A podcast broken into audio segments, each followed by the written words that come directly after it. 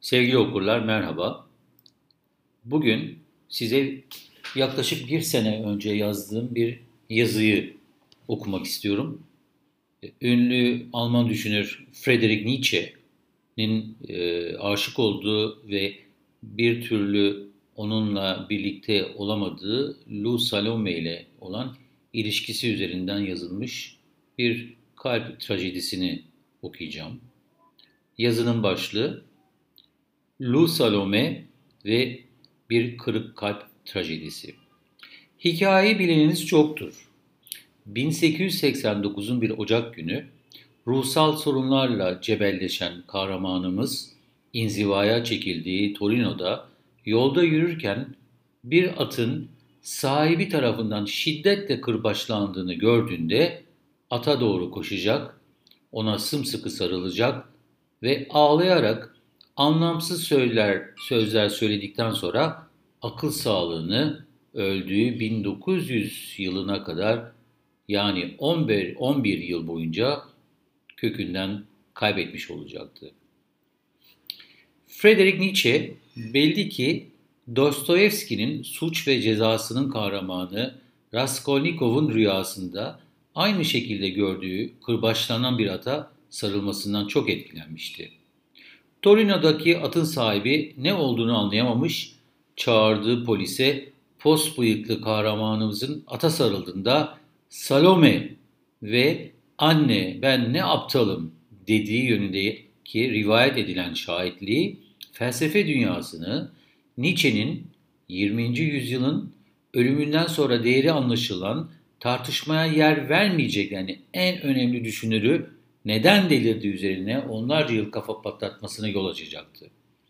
Babası gibi din adamı olma yolundayken fikir değiştirerek bir papaz olmayı tanrı olmaya yeğlerdim ama yarım bırakılmış yaratılış hikayesini tamamlamak gerek diyen bu dahi insan gerçekten de zihinsel sağlığı bozulana kadar çürümüş, dekadans içinde olan insanoğlunu değiştirmeye yönelik devrimci fikirlerini felsefe tarihine armağan edecekti. Kimdi bu Salome ve Nietzsche neden kendisinin aptal olduğunu mırıldanacaktı hayatla temasını kesmeden hemen önce? Lou Andreas Salome, felsefe ve psikiyatri tarihinde ismi hep erkeklerin ardından sayılan çok parlak bir Rus-Alman kadını. Babası protestan kökenli, Çar'ın yüksek rütbeli bir komutanı, annesi ise Portekiz'den kaçmak zorunda kalan ve yüzyıllar sonra St. Petersburg'a yerleşen ünlü Sefarat Yahudi ailelerinden Salomelerden gelme bir burjuva. Daha 17'sinde parlak zekası ve olağanüstü güzelliğiyle teoloji dersi aldığı aile yakını bir protestan papazın bile aşık olduğu bir kadın olacaktır Lou Salome.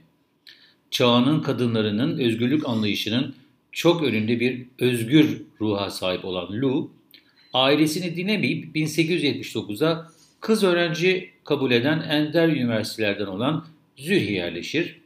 Felsefe ve psikoloji eğitimini tamamlar. 1882'de ise iki kahramanımızın dönüm noktaları olan karşılaşma Roma'da gerçekleşir. Nietzsche, Salome'nin hem güzelliği hem de 21 yaşında olmasına rağmen derin entelektüalizmi karşısında şoke olur. Tanışmasından birkaç gün sonra Salome'ye hitaben hangi yıldızlardan düşüp birbirimizi bulduk biz diyecek kadar aşık olacaktı. Ona Salome'yi tanıştıran Yahudi asıllı doktor arkadaşı Paul Ray ise zaten Salome'ye aşıktır ama evlenme teklifi reddedilmiştir. Nietzsche'yi R'ye göre daha derin ve kendisinin felsefi formasyonuna büyük katkıda bulunabilecek bir şans olarak gören Salome, Nietzsche'nin evlenme teklifini iki kez reddedecek ve sadece entelektüel birlikleri içerecek bir üçlü yaşamı kabul edecekti. Lakin aşk ve cinselliğin olmadığı bir birliktelik kısa sürede sona erecekti. Salome, Ray ile birlikte Nietzsche ile ortak yaşama son vererek ayrılıp başka bir şehre yerleşir. Zamanına göre bir hayli özgür ruh olan Salome'ye göre evlilik ve sadakat sevginin ancak azılı bir katili olabilirdi. Salome şöyle diyecekti bir çalışmasında yıllar sonra. Arkadaşlık sevgiye ve daha da kötüsü cinselliğe dönüşerek yok olma riskinden korunmalıdır. Çünkü bedensel tutkudan ruhsal sempatiye giden yol yoktur. Ama ikinciden birinciye gidilebilir. Salome cinsel birliktelik yaşamadığı Paul Ray'i de 3 yıl sonra bırakır. Evlenmezse intihar edeceğini kanıtlayan bir akademisyen ile 1930 yılına kadar evli kalır ama cinselliği onunla değil de hep genç erkeklerde bulur.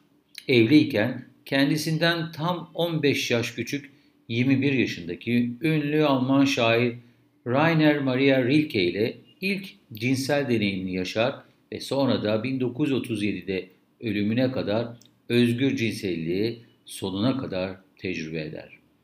Rilke ona o kadar aşık olacaktır ki senin sınırlarına tozlu halde gelen güneş ışını ruhunun parlak dalgasından bin kat berraklaşıyor.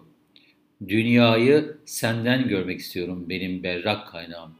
Çünkü ancak o zaman sadece seni, seni, seni görüyorum diyecekti. Sigmund Freud ile de tanışan Salome, sadece 6 ay birlikte yaşadığı Nietzsche'nin felsefesinin kendisini çok etkilediğini söylediği mektuplarında Freud'u da kendine hayran bırakır. Lou'nun ölümünden sonra Freud, ona duyduğum aşkı ve hayranlığı söylemek isterdim diyecekti. Kahramanımız Frederick Nietzsche ise 6 aylık sürede oluşan Salome tutkusunu zihinsel sağlığını kaybedene kadar 7 yıl boyunca zihninin ve kalbinin derin dehlizlerinde saklamış olacak ki kırbaçlanan ata sarılıp ağladığında ayrılık veya reddediliş travması sözlerine vuracaktı. Kadınlara mı gidiyorsun? Kırbacını unutma sözlerini söyleyecekti yaşlı bir kadına. Zerdüş böyle buyurdu başyapıtında Nietzsche. Aslında kadını yücelten bir sürü başka metafor kullanan biriydi ama Salome aklını başından alacak, ata sarılıp üçlü çektirdikleri ve kırbaçlandığı fotoğrafa gönderme yapacaktı muhtemelen. Atın durumu ile kendi terk edilmiş travması ile özdeşlik mi kurmuştu bilinmez. Yoksa annesine Salome'nin beş para etmez bir fettan kadın olduğunu sözlerine zamanda inanmadığı için mi ne aptalım ben demişti o da bilinmez. Bildiğimiz tek şey Nietzsche'nin kırık kalbinin Salome'nisinin onu terk etmesini hiç unutamadı.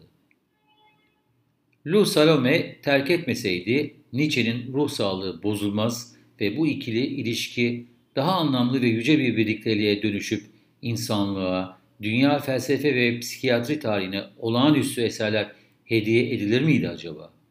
Bu da bilinmez. Zira karar verenler seçimlerini isteyerek böyle yapmıştı. Ne demişti Lu Salome? Aşkta biz başkasına değil ama aslında kendimize sarılıyoruz.